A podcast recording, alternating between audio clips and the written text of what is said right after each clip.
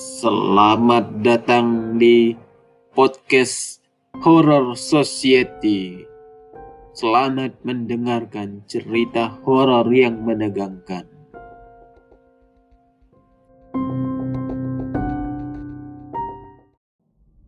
Do you see what I see?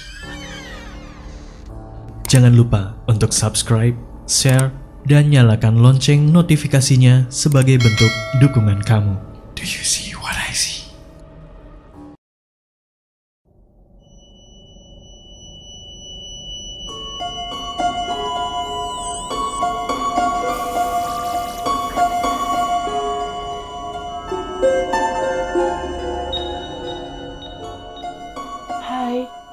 Kiki. Aku asli dari Bogor, Jawa Barat. Hmm, aku adalah seorang laki-laki, tapi memang suaraku seperti ini. Cerita ini bermula di tahun 2017. Waktu itu aku baru saja diterima di salah satu perusahaan swasta di Jakarta, tepatnya di daerah Jakarta Selatan. Saat hari pertama sampai hari ketiga kerja, aku masih memutuskan untuk pulang pergi dari rumahku sampai ke kantor. Rumahku berada di daerah Puncak dan kantorku berada di daerah Senayan. Jadi waktu itu aku harus pergi ke kantor jam 5 subuh, naik motor selama satu jam, terus lanjut naik kereta selama satu setengah jam, dari stasiun Bogor ke stasiun Sudirman.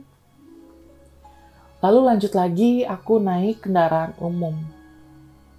Memang memakan waktu, tapi ketika hari ketiga aku mulai merasa lelah, akhirnya aku mengalami kecelakaan karena tertidur saat pulang ke rumah. Waktu itu saat aku sedang membawa motor ke arah puncak, tiba-tiba saja aku benar-benar merasa ngantuk dan terjatuh sampai meninggalkan luka yang cukup membekas. Di situ ibuku yang hanya tinggal berdua bersamaku mengizinkan aku untuk tinggal sendiri di Jakarta karena takut aku merasa terlalu lelah dan takut kecelakaan itu kembali terulang. Akhirnya aku meminta teman kantorku untuk mencarikan aku tempat kosan dan di situlah aku mulai dekat dengan Kanuna. Kanuna adalah teman satu divisiku. Dia tinggal di daerah Mampang, Jakarta Selatan hanya sekitar 20 menit dari kantor. Waktu Kanuna memberikan aku informasi kalau dia tahu info tentang kos-kosan di dekat rumahnya, tanpa melakukan survei, tanpa melihat detail-detail kos-kosannya, tanpa berpikir panjang tentang bagaimana kondisinya di sana, kondisi airnya bagaimana, kondisi lingkungannya bagaimana, aku langsung memberikan uang DP ke Kanuna untuk disiapkan agar aku bisa pindah secepatnya. Waktu itu hari Minggu. Aku baru datang ke kosan itu dan sudah membawa barang-barangku. Saat aku sampai, memang sangat jauh dari ekspektasiku. Kosannya harus masuk ke gang kecil dan berlokasi di tusuk sate gang itu dan terbilang cukup berjarak dari tetangga-tetangga. Jadi di samping kos-kosan itu adalah tembok-tembok tinggi yang aku sebelumnya nggak tahu itu tembok-tembok untuk membatasi apa. Di sana aku mulai masuk kosan yang menurutku punya cukup banyak kamar.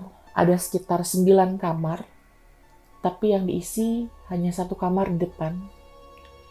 Dan kamar yang dipersiapkan untukku adalah satu kamar di pojok belakang. Aku berpikir mungkin agar kosan ini terlihat ramai, makanya aku ditempatkan di belakang. Tapi aku tidak memikirkan sesuatu yang aneh dan berhubungan tentang hal-hal mistis dan lain-lain. Hari pertama aku pindah, aku sangat merasa lelah. Akhirnya aku tertidur dari sekitar jam 4 sore sampai jam 6 sore. Tapi nggak tahu kenapa waktu aku terbangun, rasanya benar-benar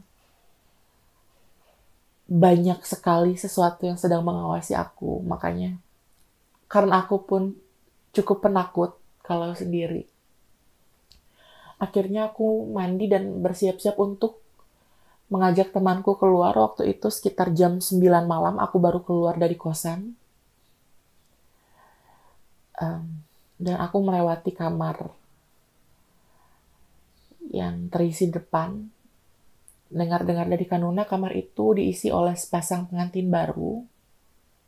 Jadi saat kamarnya terbuka, aku menengok ke kamar itu dan mereka juga melihat ke arahku.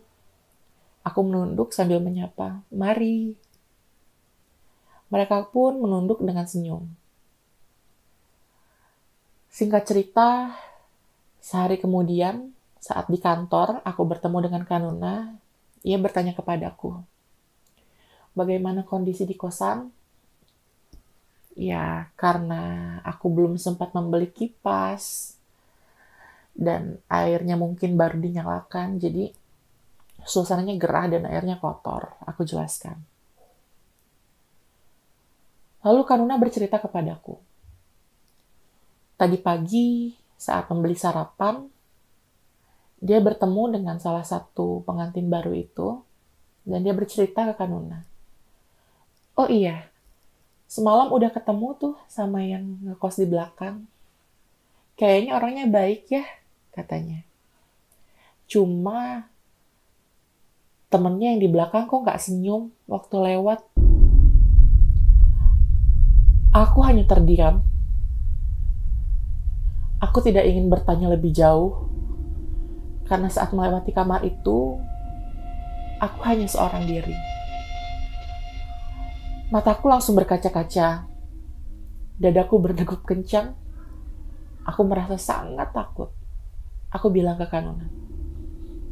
Kanuna, semalam itu aku lewat.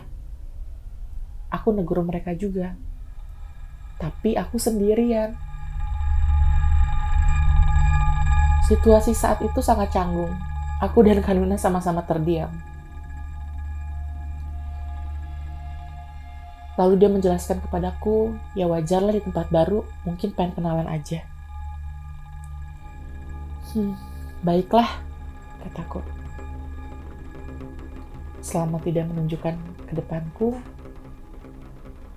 itu tidak masalah. Beberapa minggu setelahnya, pasangan yang ada di depan pindah dari kosan itu. Dan dari satu kosan besar yang berisi sembilan kamar, hanya aku sendirian di kamar pojok. Sebenarnya, banyak hal-hal yang terasa sangat janggal. Sampai aku meminta sama ibu kos, Ibu, bisa nggak ya kalau misalnya kamar saya dipindahin ke depan? Karena kayaknya ada sesuatu yang aneh di belakang. Lalu ibu kos menjelaskan kalau misalnya kamar di depan akan diisi oleh saudaranya. Jadi aku berpikir ya, aku tidak punya pilihan.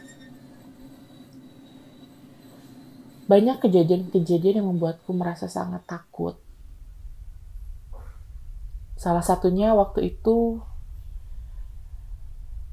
ketika aku terbangun di malam hari sekitar jam 3 aku main handphone dan nyalakan YouTube untuk melihat video-video yang mungkin membuatku bisa merasa ngantuk. Tiba-tiba ada suara. Entah suara apa, yang jelas suara itu berasal dari depan kamarku. Akhirnya aku mematikan video itu aku mulai merasa ini kayaknya bukan orang. Entah apa yang aku pikirkan saat itu. Saat aku terdiam sambil mendengarkan suasana yang ada di sekitar, tiba-tiba dari arah kamar mandiku ada suara.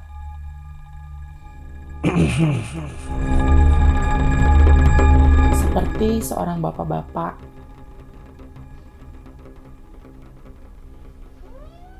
aku nggak aku nggak tahu dari situ aku langsung memejamkan mataku sampai pagi. Aku nggak berani untuk buka mata aku nggak berani untuk keluar apalagi. Karena aku tahu kalau aku buka pintu itu sudah ada di lorong dan suasana udah sangat gelap. Apalagi aku lari keluar kosan itu hanya gang kecil yang sangat gelap dan sepi. Dari situ aku mulai terbiasa dengan hal-hal yang aneh. Sampai di dua bulan aku di sana, setiap malam sekitar seminggu atau dua minggu terakhir, setiap aku tidur, aku selalu terbangun oleh suara orang sedang memalukan sesuatu, sedang menggedor-gedor tembok seperti sedang membangun sesuatu dengan palu dan paku. Tapi anehnya itu bergerak dari ujung sisi kamar yang satu hingga ke ujung sisi kamar yang lainnya. Aku berpikir mungkin orang lagi bangun sesuatu di balik kosan aku. Tapi aku juga berpikir kenapa harus sekitar jam 12, jam 1 malam tapi aku nggak mau berpikir macam-macam karena aku menghindari aku ketakutan sendirian. Sampai akhirnya waktu itu bulan puasa. Hari pertama puasa aku sudah pulang kerja. Sekitar jam setengah enam aku pergi ke tukang pecel lele di depan gang kosan aku Lalu ibu pecel lele itu bilang, Loh, masih ngekos di belakang ya? Kok baru ke sini? Oh iya bu, kataku. Baru sempat. Terus dia tanya, Mas ngekos di situ udah ada apa aja? Jujur, aku langsung merasa merinding, kaget, dan gak tahu harus berbuat apa. Lalu aku bilang, ya kadang suka keganggu aja sih bu sama yang lagi bangun di belakang kosan. Aku mengingat tentang suara paku dan palu yang diketok-ketok setiap malam. Lalu ibu itu mengatakan, lagi ngebangun apa mas? Orang di belakang kosan mas itu kan kebon banyak kuntinya lagi. Aku langsung terdiam. Selesai makan di sana, aku sudah gak berani kembali ke kosanku.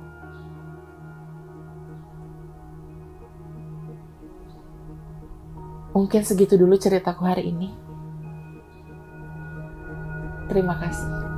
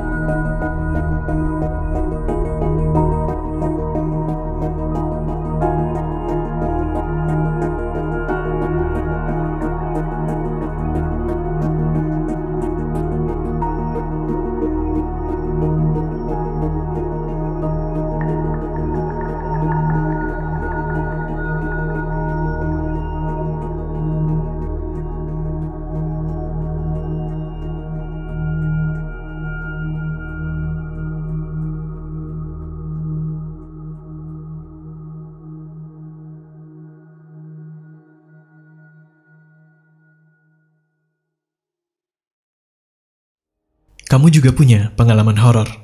Kirim cerita kamu ke alamat berikut.